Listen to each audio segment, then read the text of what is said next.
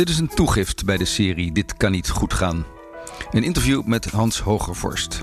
Hij is de aanstichter. Dit hele onderzoek begon nadat ik hem had gelezen in de Volkskrant deze zomer. Hogervorst werd vooral bekend als minister voor Volksgezondheid begin van deze eeuw, toen hij de hervorming van het zorgstelsel doorvoerde. Maar daarvoor was hij een jaar minister van Financiën geweest in 2002, 2003. En daarvoor jarenlang financieel specialist binnen zijn partij, de VVD.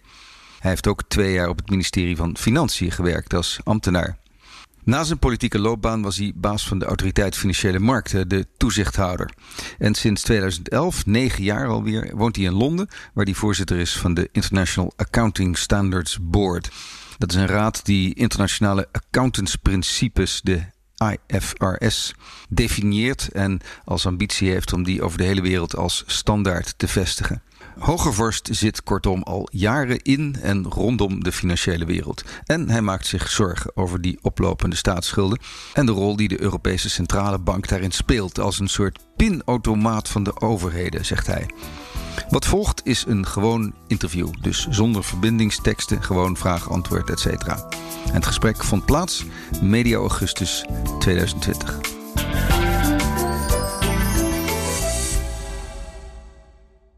U zegt ergens uh, halverwege het verhaal: de gewone burger weet donders goed, dit kan niet goed gaan. Wat dat denk ik wel. Wat dat merkte ik toch ook wel aan de. Ik heb veel reacties op het artikel gekregen. Dus er begint wel iets te broeden, heb ik, uh, heb ik het gevoel. En ik denk wel dat er heel veel mensen. Nou ja, ik werk. Nee, vroeger, toen ik nog in de politiek zat, uh, merkte ik altijd dat mensen heel gevoelig waren voor boodschappen van. Nou, je moet je huishoudboekje netjes op orde hebben. Uh, je kunt niet on, on, ongeremd veel meer uitgeven dan je, dan je binnenkrijgt. Uh, want uh, nou, dan krijg je al op den duur te veel schuld en dan moet je die schuld terugbetalen, et cetera, et cetera. Begrijpen mensen heel goed. En ehm, wat er nu dus gebeurt is dat eigenlijk ongeremd schuld wordt gecreëerd. schuld is nog nooit in de wereldgeschiedenis zo hoog geweest. niet alleen van overheden, maar ook van bedrijven en, en van burgers. hoge hypotheken, woningprijzen die steeds maar omhoog gaan omdat de rente zo uh, laag is. Dus die hypotheken worden ook steeds groter. En uh, ik denk dat een heleboel mensen zich daar toch onbehagelijk bij voelen. Ja. Uh, en ik zeker. Ja, maar ja. we voelen ons bij wel meer dingen onbehagelijk. Dat is ja. nou niet echt een, een recept voor een, een ramp. dit kan niet goed gaan, zegt u. Ja, dit kan niet goed gaan. Kijk, dit is nog nooit in de wereldgeschiedenis vertoond. Oh? Waar, me, waar, waar we nu mee bezig zijn, uh, is een macro-economisch experiment dat nog nooit is uitgevoerd. Is dat zo? De rente is nog, ja, de rente is nog nooit zo langdurig zo laag geweest. Ja. Uh, algemene schuldenniveaus zijn nog nooit zo hoog geweest. Uh, in, in, in 2007, dus vlak voor het uitbreken van de financiële crisis, toen was het schuld, uh, alle schuld bij elkaar opgeteld van burgers, van bedrijven, van overheden. ik, was, ik denk dat ongeveer 200 20% BBP was van het, de totale wereldeconomie, zal ik maar zeggen, was nog nooit zo hoog geweest. En uh, sindsdien is het alleen maar gestegen. Het steeg tot uh, ongeveer 300% BBP uh, het verleden jaar. En nu, dankzij de coronacrisis, bijna alle westerse regeringen hebben gigantische begrotingstekorten. Dus het gaat nog ja, steeds. Maar, de, de, steeds ja, maar goed, dan heb ik Wim Boonstra ja. gesproken, econoom, die zegt: kijk, tegenover ja. iedere schuld staat een vordering. Per definitie. En in de wereld is het, wordt het altijd glad gestreken. Dus het is, het, je kunt wel zeggen dat het 330% van de BBP geleend is, maar daar staat er dus ook tegenover dat er eh, 330% van de BBP uitgeleend is. Dus dat is geen probleem. Ja. Dat is geen probleem. Dat, dat, uh, nou ja, uh, kijk, uh, nu niet, misschien. Maar uh, de de, de, het klassieke recept voor een financiële crisis is dat er te veel liquiditeit wordt gecreëerd, dat er te veel leningen worden uitgegeven. Dat is ook begonnen met de tulpencrisis in de 17e eeuw. Uh, ja, dat, dan wordt er veel geld geleend en natuurlijk, daar stond dan een vordering tegenover. Tot, uh, uh, tot men op een gegeven moment tot de realisatie komt dat de onderliggende waarde waar die lening voor gebruikt wordt, dat die niet meer klopt, dat die te hoog is. Uh, en uh, dan komen mensen in problemen met het terugbetalen van uh, schulden. En het ene probleem leidt tot het andere. Klassieke kredietcrisis. Dat is wat er gebeurd is in 2008. Toen stond er ook tegenover elke lening die een bank verstrekt had, stond een vordering. Hè? Of de, de, de, de, de, de lening zat bij de cliënt of bij het bedrijf. En de vordering zat bij de bank. En op een gegeven moment bleek dat die vorderingen eigenlijk niet meer voldoende geïnd konden worden. Dus ik vind dat werkelijk een, een, een redenering uh, die heel erg lui is. Ja. nou, het is niet een redenering, maar het is goed. En Koen Teulings die zegt: Dit is uh, helemaal niet zo gek, want we hebben een steeds groeiende berg spaargeld. Uh, vooral in de westerse wereld. De rijkste landen worden steeds ouder. Er is steeds meer geld op zoek naar een bestemming. Dat zie je in Japan natuurlijk, maar ook in Europa. En als gevolg daarvan is de, de rente, die trendeert al vanaf 1985, de hele tijd maar gestaag omlaag. Ja. ja. Dus. Ja, die redenering klopt deels. Ja. Uh, ik denk zeker dat als gevolg van vergrijzing in de wereld, dat er meer mensen zijn met een hoop spaargeld die ze willen gaan opsoeperen op een gegeven moment tijdens een uh, pensionering. Uh, maar het verhaal dat er een soort structurele beweging is in de wereldeconomie, waardoor het natuurlijk is dat die rente steeds maar blijft dalen, daar geloof ik dus helemaal niks van. Maar uh, ten eerste, twee, uh, laten we even bij het begin beginnen. Dat, 1985. dat was, toen was de rente op een historisch hoog niveau. Een uitzonderlijk hoog niveau door het ingrijpen van Paul Volcker.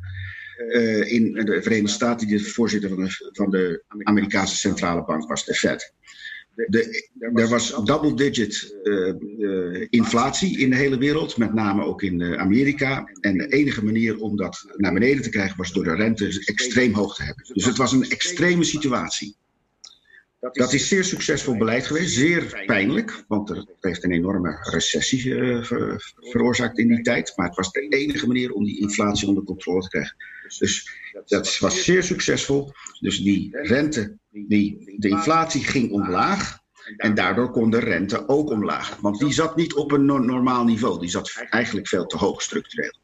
Dus een deel, het grootste deel van het verhaal is gewoon. Het was een reactie op een uitzonderlijke situatie. Prima, maar dan pak, maar maak het even maar af. Sorry, excuses. Ja. ja. Nou, nou, kijk, en um, wat er vervolgens gebeurd is, is dat um, onder uh, de opvolger van Greenspan, uh, van uh, Volker, Greenspan, dat er eigenlijk een heel asymmetrisch monetair beleid is gevoerd.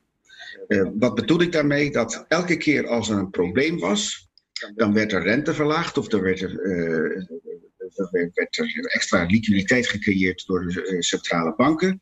En als het dan weer beter ging met de economie, werd die verlaging maar deels uh, teniet gedaan door een verhoging.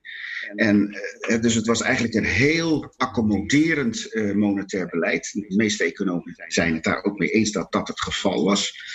En de markten zijn er toen meer en meer aan gewend geraakt dat als er een probleem is, de centrale banken staan altijd voor u klaar. Dat was de zogenaamde Greenspan put. Um, en dat beleid is eigenlijk, uh, dat heeft geleid tot veel te veel liquiditeit in de markt. Dat was een van de redenen. Veel te veel schuldcreatie. Een van de redenen voor de financiële crisis. Dat heette een kredietcrisis, omdat er te veel krediet werd verleend, omdat krediet te goedkoop was. Dan zou je zeggen, nou dan hebben we toen ons lesje geleerd. Um, en uh, gaan we niet elke keer als een probleem is weer op gas geven van uh, geldirrigatie. Uh, op het monetair gas geven. Het is eigenlijk alleen maar extremer geworden. Onder Bernanke is in, in, de Verenigde Staten nou, de hele wereld mee in zijn kielzog. Steeds bijplempen. Die is ook begonnen met het opkopen van staatspapier. Wat eigenlijk altijd het taboe was in centrale bankenland. Maar dat deed men om de lange rente uh, te drukken. En dat, dat beleid is extremer en extremer geworden. Het is echt ernstig wat er nu gebeurt. Uh, en ook een land als Frankrijk gaat nu ook over de 120% BBP uh, schuld in. Ja, maar kunt u dan uitleggen aan ons gewone burgers het verband tussen enerzijds overheden die geld lenen om hun economieën of op de been te houden of op de been te helpen? Dat is één. En twee, zijn er centrale banken die drukken nieuw geld, waarmee ze dan inderdaad indirect die staatsobligaties kopen. Dus, dus wat is daar dan? Dat zijn twee verschillende acties. Dat zijn twee verschillende dingen met verschillende effecten. Die, die, hebben heel veel met elkaar te maken. Ten eerste uh, is het uh, voor heel veel landen heel makkelijk geworden om veel geld te lenen, omdat die rente zo laag wordt gehouden. En dat, is, dat wordt laag gehouden door de ECB. En, en door andere centrale banken. Is begonnen in Amerika, ECB doet nu volop, volop mee. Uh, er is natuurlijk geen markt die negatieve rente verzit. Dat is puur het werk van centrale banken. Uh, en uh, dat moedigt, dus dat lage rentebeleid moedigt het aankopen van, of het veroorzaken van, het creëren van schuld door overheden, moedigt het aan. Toen, eh, toen Draghi, die daar voor als een grote held wordt gezien, zei: uh, we, we will do whatever it takes to protect the uh, euro.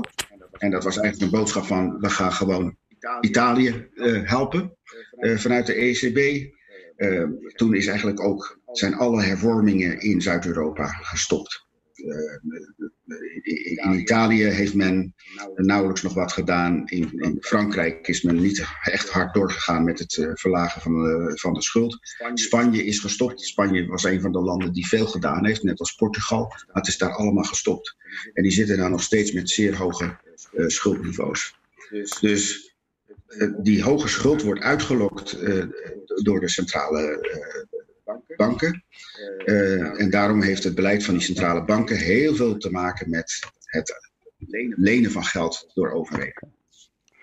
En nu zitten die overheden zo chockvol met schuld dat geen centrale bank het nog aandurft om de rente te gaan verhogen, omdat ze dan weten dat al die landen in problemen komen en dan krijgen zij de schuld en zij willen die schuld niet hebben de, de, de, schuld, in dit geval geen financiële schuld, maar ja. dus, ja, dat, de schuld van, de, van de problemen. De morele schuld.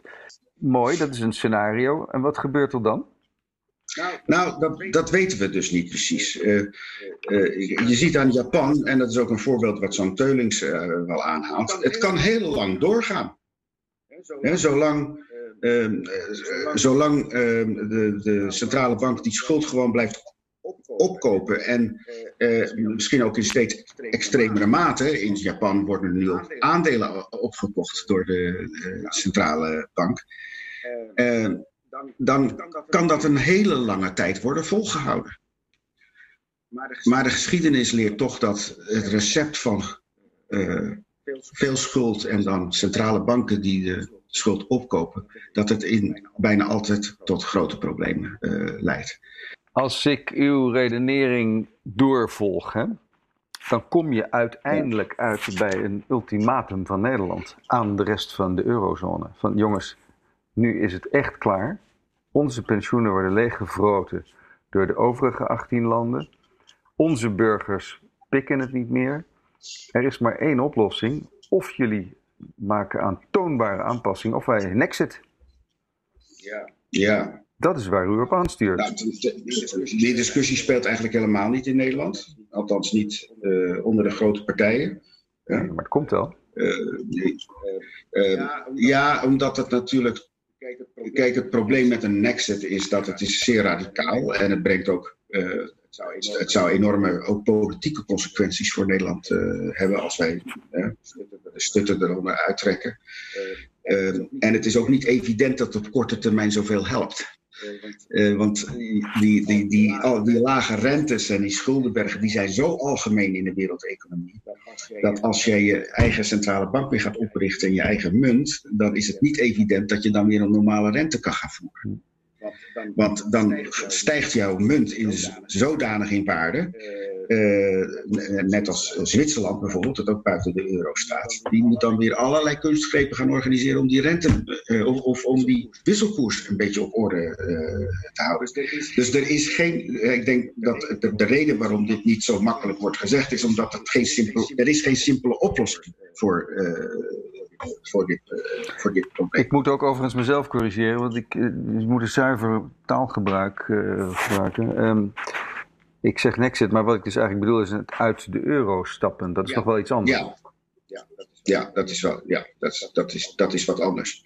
Uh, ik, denk wel dat uh, als we het zouden doen, zou er ook massieve druk vanuit. Ik denk dat het een enorme, uh, enorme effect zou hebben als we het doen. Want ehm, dan gaat ook in Duitsland de discussie verder losbarsten.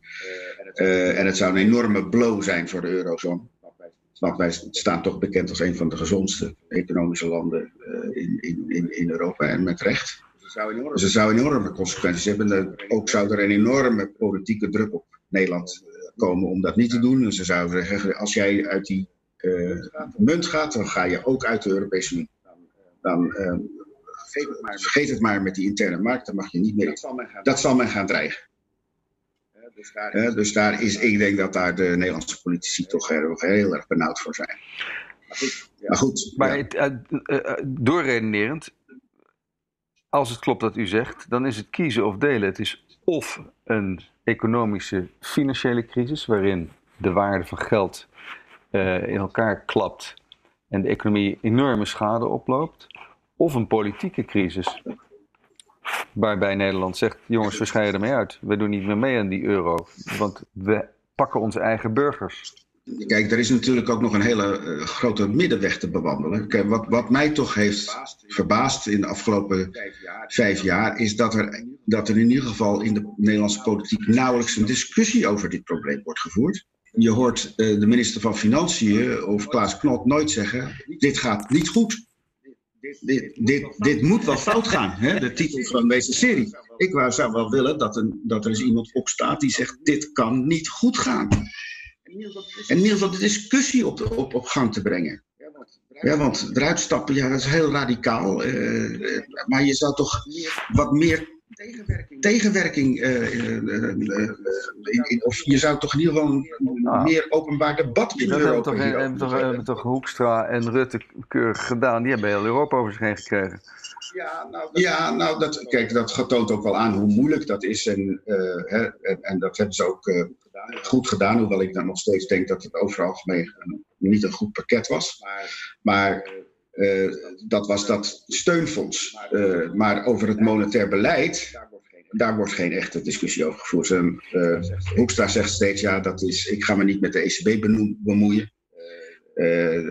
want dan bedreig ik hun onafhankelijkheid. Ja, als je dan ziet dat eigenlijk de ECB zo diep in het budgettaire beleid is gedoken. En eigenlijk met het opkopen van die staatsobligaties, daar mag je toch als minister van Financiën wel wat van zeggen als je het daarmee oneens bent. Dus, dus men, men, men, men duikt voor die discussie.